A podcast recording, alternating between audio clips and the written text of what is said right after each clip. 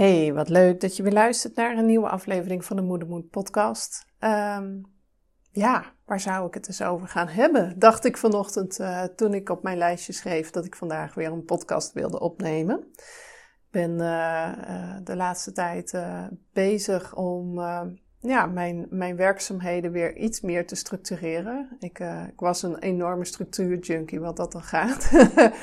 Um, was ook een deel van mijn werk wat ik deed in mijn vorige bedrijf. Ik gaf uh, in mijn bedrijf veel uh, trainingen over, over werkdruk.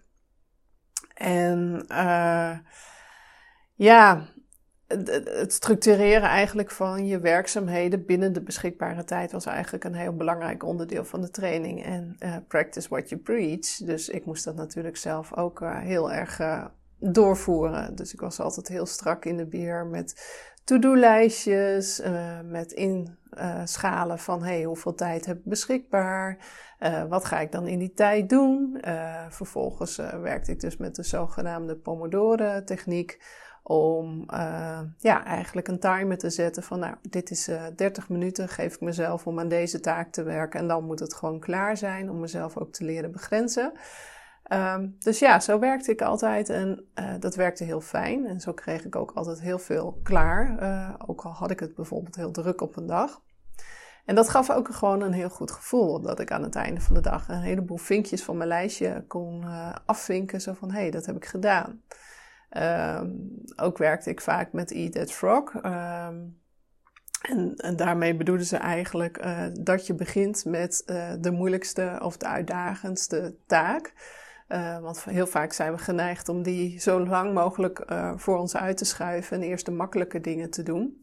Terwijl het ook heel uh, prettig kan werken als je juist eerst die hele moeilijke of, of vervelende taak doet. Dan heb je dat maar gehad en dan kan de rest van de dag eigenlijk alleen maar meevallen. Um, dus ja, dat deed ik altijd heel erg. Maar ik merkte dat daar de laatste tijd in mijn bedrijf, misschien wel omdat ik het heel erg druk heb gehad, de klad wat in kwam. En dat ik gewoon aan het einde van de dag, uh, naast alle sessies, was er dan best nog wel wat tijd. Maar als ik dan terugkeek wat ik in die tijd heb, had gedaan, dan viel me dat gewoon enorm tegen. Ik maakte niks af. Ik begon aan tien dingen tegelijk, maar het bleef dan allemaal weer half liggen. De ideeën waren er wel, maar ik werkte ze nooit meer uit. En ja, het begon me gewoon eigenlijk steeds meer tegen te staan. En natuurlijk ben ik heel erg blij dat het uh, um, heel goed gaat in mijn bedrijf en dat ik het zo druk heb.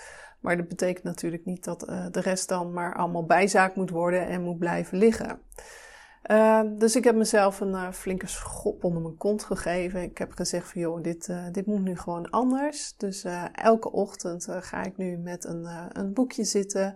Ehm, plan ik dat helemaal voor mezelf uit. Ehm, begin altijd met bepalen van hé, hey, wat, wat is die kikker die ik moet opeten vandaag? Hè? En, maar ook, als stel ik zou die kikker eten, uh, en ik zou dat, dat, die ene taak kunnen afronden vandaag.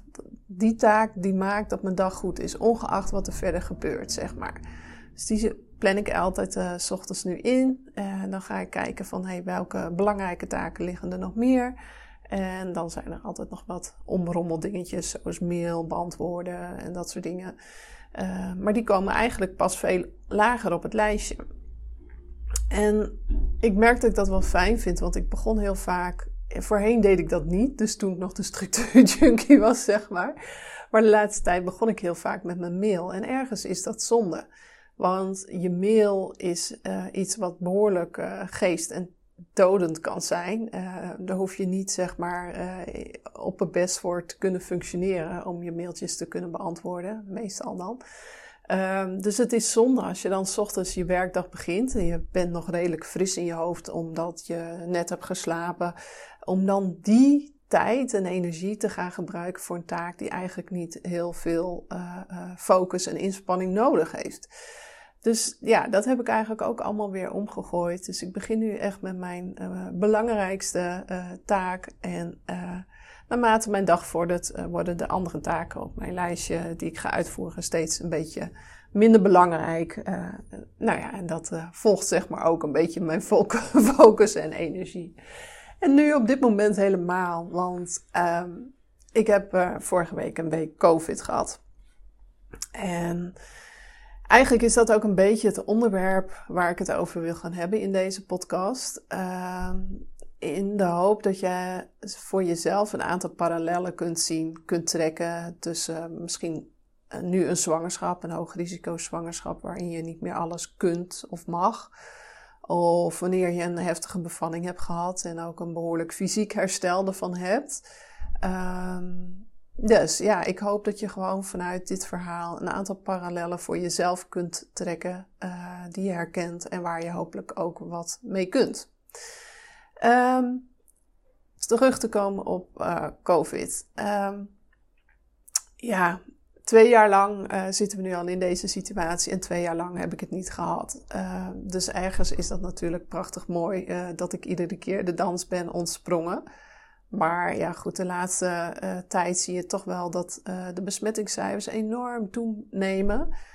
gelukkig leidt dat niet per direct tot, tot een grotere hoeveelheid ziekenhuisopnames of IC-opnames.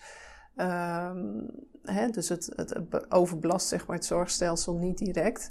Uh, maar ja, de, besmettingscijfers zijn hoog. Ja, met een man die voor de klas staat uh, en met twee kinderen die naar school gaan, was het dan voor mij ook niet meer de vraag of ik het zou gaan krijgen, maar meer wanneer. En als ik het dan zou krijgen, hopelijk in een periode uh, die een beetje gunstig uitkomt.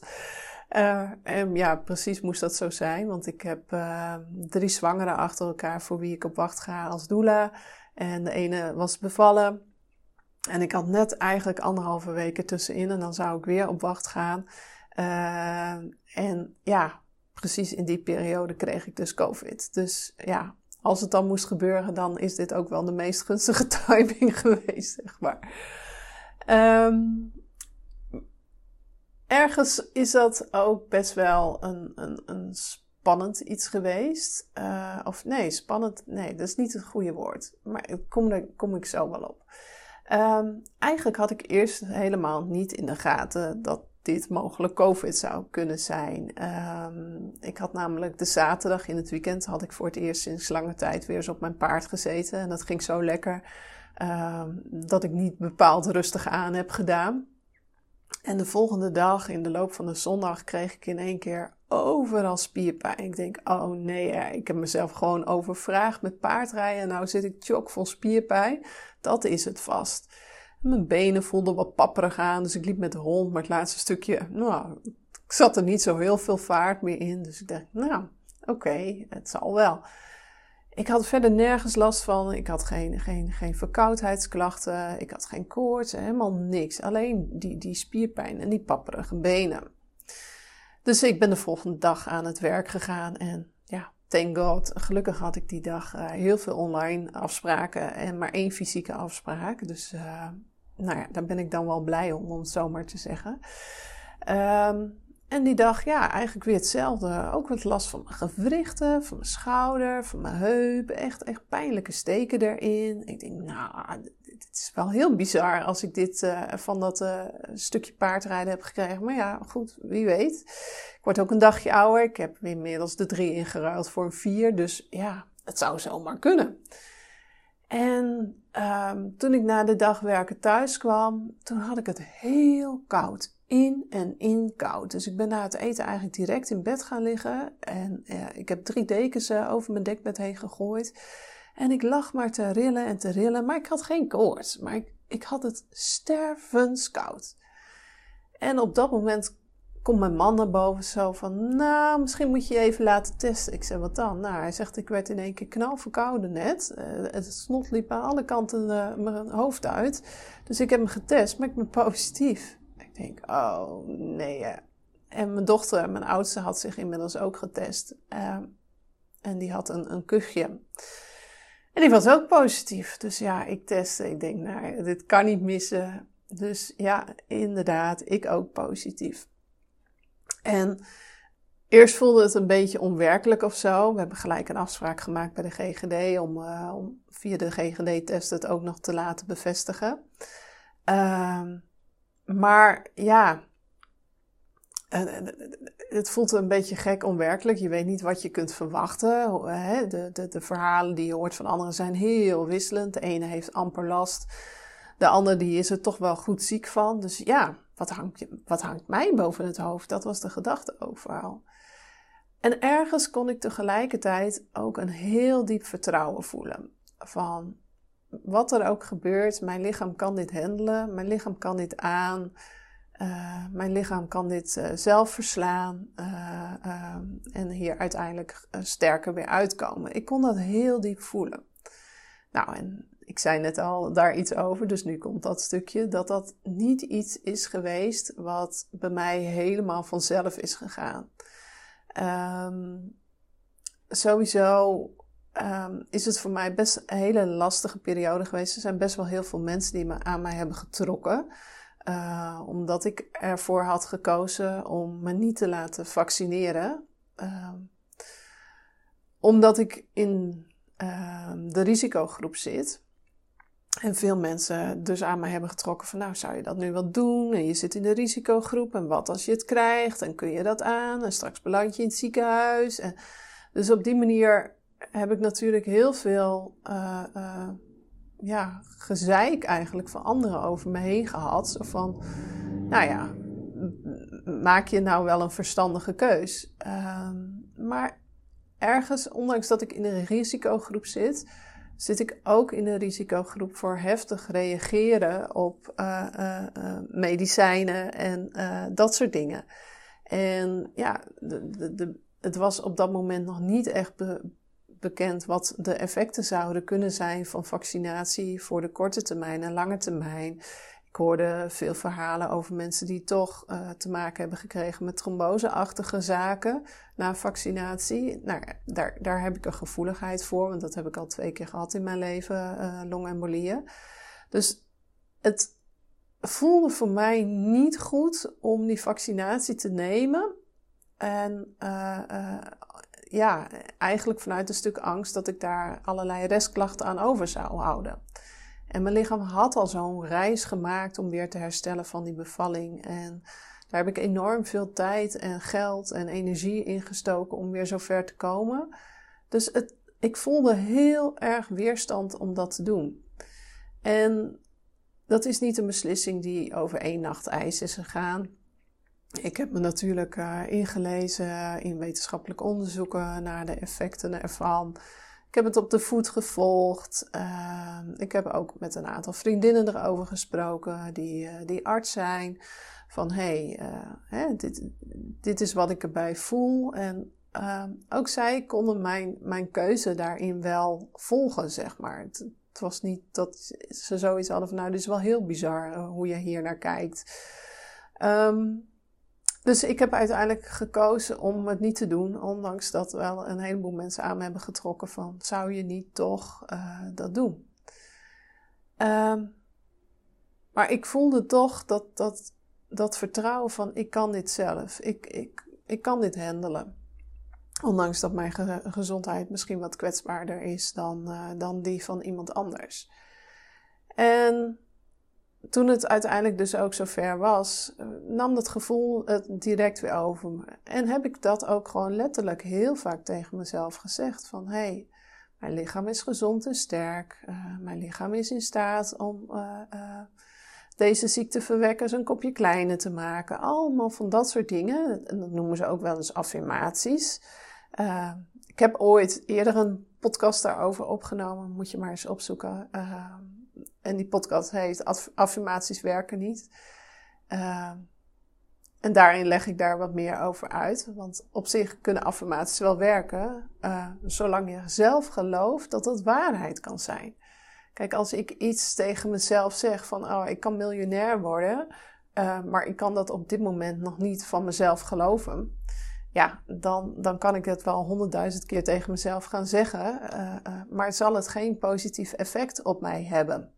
Uh, dus dan werken affirmaties niet. En je ziet heel vaak in het werken met affirmaties dat mensen affirmaties kiezen die door iemand anders zijn bedacht of geschreven, of affirmaties van iets wat ze wel graag zouden willen, maar waarvan ze nog niet kunnen geloven dat het voor hen waarheid zou kunnen zijn. Ehm, dus dan kun je het nog wel zo vaak tegen jezelf zeggen: het, het gaat geen effect op je hebben.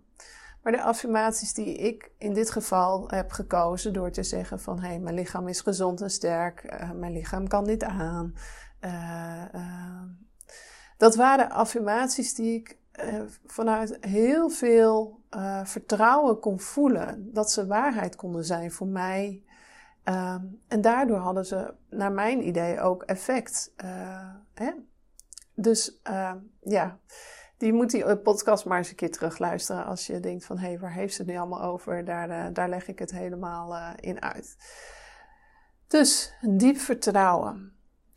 Um, de klachten waar eerst uh, de aanloop was echt dat ik het zelf dus gewoon niet in de gaten heb gehad dat dit speelde. Maar de dag daarna kreeg ik toch echt wel koorts. Eigenlijk in die nacht al. Op een gegeven moment werd ik wakker, badend in het zweet. Echt mijn hele pyjama was doorweekt. Uh, toen dacht ik al, oh kijk, daar is, uh, daar is de koorts. Uh, ik heb uh, denk ik twee dagen toch echt wel, wel koorts gehad. En ehm, ik heb er wel voor gekozen om wat actief te blijven. Omdat ik van mezelf weet dat ik er niet beter van word als ik zeg maar een hele dag in bed ga liggen. Maar om wel heel erg mijn tempo aan te passen aan datgene wat mijn lichaam aangaf en aankon op dat moment. En ik heb er ook voor gekozen om de cliënten die ik had, omdat mijn agenda gewoon momenteel barstensvol zit. En uh, als ik alles zou moeten afzeggen, dan zou het misschien zelfs enkele weken kunnen duren voordat ik mensen weer zou kunnen plaatsen. En dat zou ik heel erg jammer vinden dat ze zo lang moeten wachten op hun hulp.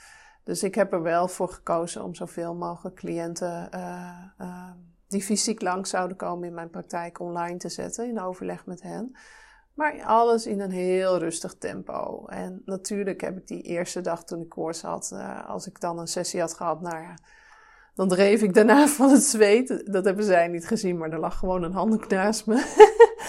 dat uh, zo nu en dan, uh, als zij zeg maar in de diepe ontspanning zaten om te verwerken, dan zat ik met die, die handdoeken mezelf een beetje het zweet af te deppen. En na een sessie nam ik ook gewoon gelijk weer Dus Hè, ging ik even liggen om te slapen of om te mediteren. Dus het voelde voor mij ook niet als verkeerd om wel wat werk te blijven doen, maar wel het minimale, dus alleen de sessies en om de rest gewoon echt even lekker uit mijn handen te laten vallen. Dan maar even niet iets op social media, weet je, dat pak ik uh, na een week wel weer op en uh, ja, er is geen man overboord als dat uh, gebeurt. En ook dat is niet altijd zo geweest. ik weet dat ik heel erg, uh, nou ja, nou, je merkt dat mijn stem nog een beetje, een beetje moeite heeft. Uh, um, toen, toen ik zwanger was van, van mijn jongste, zeg maar, dat is nu uh, bijna vijf jaar geleden, um, halverwege de zwangerschap veranderde mijn zwangerschap in één keer in een hoog risico zwangerschap. Um, met ruim 26 weken werd ik met de ambu uh, afgevoerd richting Groningen, omdat ik mijn eerste bloeding, zeg maar, had, als gevolg van een, een, een placenta die voor de uitgang lag. Uh, en het leek erop, ik had beginnende weeënactiviteit, nou ja, dat onze zoon met die termijn geboren zou worden. Dus ik werd opgenomen in Groningen en dan krijg je weeënremmers en longrijping. Eh, en mag je niet zoveel in de hoop dat de bloeding zo snel mogelijk stopt en de activiteit ook stopt. En de baby blijft zitten. Dus dat was voor mij een enorme schrik op dat moment. Vooral omdat ik zelf heel diep vertrouwen heb gevoeld. Van ja, weet je, uh, met de baby komt alles wel goed. Over mezelf voelde ik echt wel iets heel anders. Um, dus ja, het, het verbaasde me eigenlijk ook. En daarna mocht ik gewoon echt ook bijna niks meer. Ik moest heel veel rusten. Ik mocht wel kleine stukjes wandelen. Uh, maar mocht bijvoorbeeld niet stofzuigen, geen zware dingen meer tillen, uh, niet intiem zijn. Ik mocht niet meer fietsen. Uh, nou ja, naar mijn paard gaan moest ik eigenlijk ook vermijden. ik werkte op dat moment in mijn eigen bedrijf en ik stond één dag in de week voor de klas, voor de kleuters. Kon ook niet meer. Dus eigenlijk alles wat mijn leven vorm gaf op dat moment moest ik, en waar ik ook plezier aan beleefde, moest ik ineens uit mijn handen laten vallen. En dat heb ik als heel, heel lastig ervaren. En wat ik nu vertel, heb ik eigenlijk nog nooit gedeeld. Maar ik denk, ja, ik deed het gewoon, want misschien herken je dat ook wel. Ehm, maar toen ik wekenlang zo door had gebracht, uh, ik had wel dagelijks licht bloedverlies, maar dat was gewoon acceptabel. Het moest niet erger worden dan dat of echt heel rood bloed worden. Het was wat, wat ouder bloed, zeg maar. Want dan eh, moest ik gewoon direct aan de bel trekken en dan moest ik weer naar het ziekenhuis en dan zou ik waarschijnlijk weer opgenomen worden en dat soort dingen. Maar dit was gewoon acceptabel.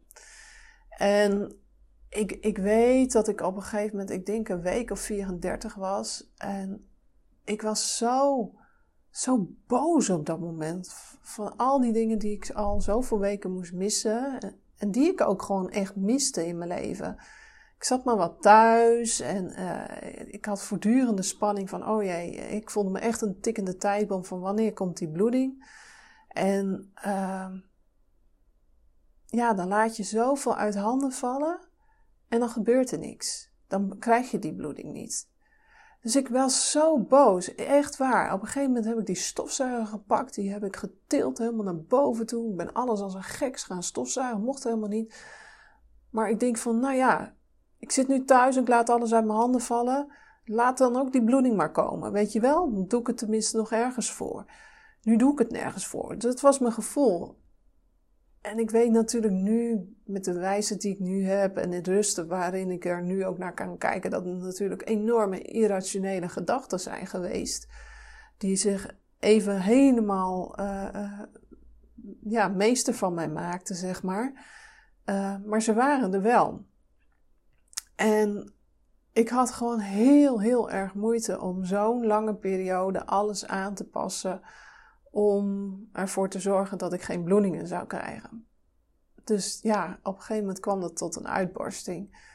Het heeft gelukkig geen bloeding opgeleverd. Uh, maar ja, je merkte toch dat die frustratie van al die weken zo ja, toegenomen was dat die op een gegeven moment gewoon uit moest, explodeerde als het ware. En daarna, toen de bevalling dus het verloop heeft gehad zoals het heeft gehad. Uh, en dat ik zoveel bloed ben verloren en op die zee heb gelegen en heel veel complicaties heb gehad en echt gewoon fysiek een wrak was. Uh, werd ik eigenlijk gedwongen om nog meer aanpassingen te maken. Ik heb negen weken een bed in de kamer gehad. Ik heb vier maanden lang heb ik uh, dagelijks uh, de thuiszorg over de vloer gehad om me te helpen bij douchen en aankleden, omdat ik gewoon niet de energie ervoor had. En dan merkte ik dat ik me ook nog schuldig voelde. Want dan liet ik ochtends de thuiszorg komen om me te helpen met douchen en aankleden. Maar dan ging ik smiddags wel een klein wandelingetje achter de kinderwagen maken voor mijn conditie. Ik voelde me daar schuldig over. Ik had zoiets van, ja, ik moet eerst mezelf toch kunnen douchen en aankleden voordat ik mezelf dat wandelingetje mag gunnen. En die lieverds die gingen daar zo mooi mee om. En die zeiden tegen mij zo van, weet je, wij hebben veel liever dat we jou nu helpen met douchen en aankleden, zodat je energie overhoudt uh, die jij kunt gebruiken voor dingen die voor jou belangrijk zijn, die je leuk vindt om te doen en die jou energie geven. En dat heeft me zo geholpen om mijn mindset hierin aan te passen. En het mooie is, uh, dat ik dat nu ook weer door mag geven aan bijvoorbeeld mijn doula-cliënten, die soms ook een fysiek herstel hebben gehad. Om te kijken van hé, hey, uh, wat moet je allemaal van jezelf kosten, wat het kost nu doen? En waar gaat dat ten koste van? En op welke dingen kun je misschien wat energie besparen door het voor jezelf iets makkelijker te maken? Uh, zodat je die energie die je overhoudt kunt besteden aan iets wat bijvoorbeeld voor jou heel erg belangrijk is. En waar je ook veel plezier aan beleeft. En dat heeft wel echt heel erg veel veranderd. Ook ben ik uh, in die herstelperiode uh, nog veel meer verbonden geraakt met mijn lichaam. Sterker nog, ik voelde in mijn lichaam heel veel dingen aan, intuïtief, die niet oké waren. Uh, maar waarvoor ik zeg maar niet de standaard uh, symptomen vertoonde. En daardoor dus artsen ook op het verkeerde been zetten. En dat die het idee hadden van nou, hè, het valt allemaal wel wat mee of uh, het is niet zo. Maar dat mijn lichaam mij zo sterk vertelde, ja, maar dit klopt niet. Dit is niet oké wat hier gebeurt. Er zit iets fout. En ik dat bleef volhouden. En uiteindelijk bleek ik dus ook gewoon iedere keer gelijk te hebben. En dat gaat niet om één of twee keer, maar dat gaat zeker wel om vijf, misschien wel zes, misschien nog wel meer keren als ik ze allemaal optel. Dus dat was voor de artsen ook wel, uh, nou, iets van hunzelf en hun manier van denken, hoe ze zijn opgeleid, loslaten. En om te vertrouwen puur op mijn intuïtie, waarop ik zei dat er iets niet klopte. Uh, ook al had ik niet de bijpassende symptomen erbij, maar bijvoorbeeld hele andere symptomen. Om je een voorbeeld te noemen. Op een gegeven moment heb ik heel, heel veel pijn gehad. Uh, mijn baarmoeder was er toen net uitgehaald. Dat was ongeveer 2,5 week na de geboorte van, uh, van mijn jongste. Uh, en ik kon niet bewegen. Ik kon niet bewegen van de pijn. Ik gilde het uit. Zoveel pijn had ik aan mijn schouder en mijn sleutelbeen. Ik, ik kon niet bewegen. En ze snapte het niet. Nou, en ik had aan dat sleutelbeen had ik een, uh, ooit een verwonding gehad, een, een, luxatie gehad. Ik dacht, ja, is misschien weer geluxeerd uh, doordat ze mij van uh, de OK-tafel hebben getild of wat dan ook. Ik, ja, ik weet dit niet. Maar de, ja, ik kon niks. Dus toen wilde ze een foto maken, maar toen moest ik van het bed af. En ik kon gewoon niet van het bed afkomen. Ik kon maar in één houding tegen de rugleuning van het bed zitten. Zodra ik dat veranderde, dan gilde ik het uit van de pijn. En nou ja, uiteindelijk uh, zijn ze in beraad geweest wat ze moesten doen. Ze hebben me goed plat gespoten. En toen ben ik uiteindelijk de CT-scan ingegaan om te kijken van wat is er aan de hand. En toen bleek dus dat die pijn helemaal niet door een luxatie van uh, een, sleutelbeen kwam, maar dat, dat ik longembolie had. En juist ook nog weer in de andere kant volgens mij, ik weet het niet zeker meer. En dat dat dus in verband stond met de pijn. En nog twee dagen later bleek ook, toen heb ik nog een, eh, een, een, eh, een spoedbuikenoperatie, kijkoperatie gehad. Om, en toen bleek dat ik dus ook een enorme nabloeding had gehad. En dat er een stolsel ook tegen, ja, of het nou mijn mild was of mijn lever, maar daar drukte een stolsel tegen aan. Dus die beide dingen hebben die, die enorme pijn veroorzaakt. Maar het waren niet de standaard symptomen die hoorden bijvoorbeeld bij een longembolie. Want verder ja, ben ik niet kortademig geweest en dat soort dingen. Uh, uh, heb ik geen bloed gehoest. En, en dus ik heb daarin zeg maar ook artsen wel op het verkeerde been gezet. Uh, en dat vroeg ook wel iets van hen om hun, hun, vaste lijstjes van symptomen los te laten en om te gaan kijken, om mijn intuïtie daarin ook uh, te volgen. Dus ik ben heel sterk verbonden geraakt met mijn lichaam. en ik merkte dat ik vorige week ook heel goed kon voelen wat mijn lichaam nodig had. Um, op een gegeven moment voelde ik dat, dat ik behoefte had om hele rustige relax yoga te doen. Uh, ik had hartstikke koorts. Daar denk je op zo'n moment niet aan om dan yoga te gaan doen. Maar mijn lichaam vroeg erom om wat van die stretches te doen. Eén of twee dagen later uh, vroeg mijn lichaam erom om in bad te gaan zitten met dode zeezout en uh, met magnesium. Het kwam zo sterk in me op. En dan heb ik ook het gevoel van ja, dat is mijn intuïtie die me vertelt van zet deze stap, doe dit. Uh, om daar, zeg maar, jouw lichaam vraagt erop. Dus dan volg ik dat ook. Ehm, ik merkte ook wanneer mijn lichaam vroeg om even uh, te rusten en een slaapje te doen.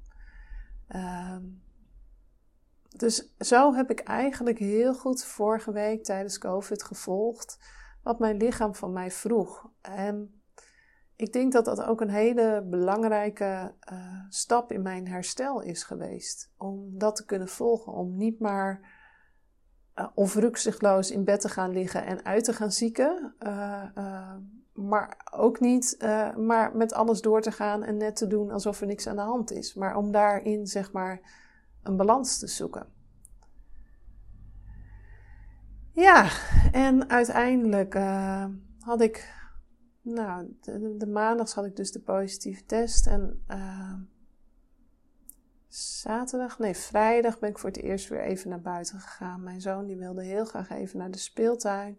Dus ben ik heel langzaam lopend met hem naar de speeltuin gegaan.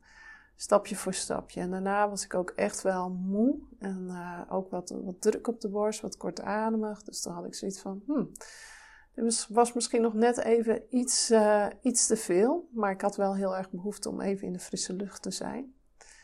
En dus ik heb de dag daarna, reageerde mijn lichaam daar echt op. Heb ik nog echt een off-day gehad, terwijl ik dacht van nou, ik heb de bocht wel gemaakt, maar uh, nee. Dus die dag heb ik ook echt gewoon heel chill doorgebracht. Ik heb heerlijk uh, samen met mijn man lopen Netflixen ja, en, en mezelf ook die dag gegund. En de dag erop, toen was ik er weer een beetje. En toen voelde ik dat ik weer heel rustig een beetje mijn activiteiten kon, uh, kon opnemen. Dus het is ook belangrijk voor jou om jouw lichaam te volgen, zeg maar. Wat geeft jouw lichaam aan? En of dat nou tijdens je zwangerschap is of na je bevalling, waar vraagt het om? Misschien krijg je heel sterk iets in je op uh, uh, om iets te eten bijvoorbeeld. Of iets te drinken, iets heel specifieks. Misschien heb je heel erg zin in sinaasappels. Vaak is dat ook een teken, uh, bijvoorbeeld tijdens je zwangerschap, dat, dat je een tekort hebt aan een bepaald stofje, wat bijvoorbeeld heel erg veel voorkomt in een sinaasappel. Dus dat je lichaam daar op die manier ook om vraagt. En het gaat er eigenlijk om of je dat durft te volgen. En niet af te doen van ja, het zal wel. Of uh, dit is iets wat in mijn hoofd ontstaat. Uh, nee, om, om dat ook als uh, iets aan te nemen wat, wat belangrijk is voor jou op dat moment. En om dat gewoon te volgen. Zonder dat je dat helemaal begrijpt met je hoofd. kunt beredeneren maar om dat eigenlijk als een soort intuïtieve leiding te zien van je lichaam uh, door zo'n proces heen.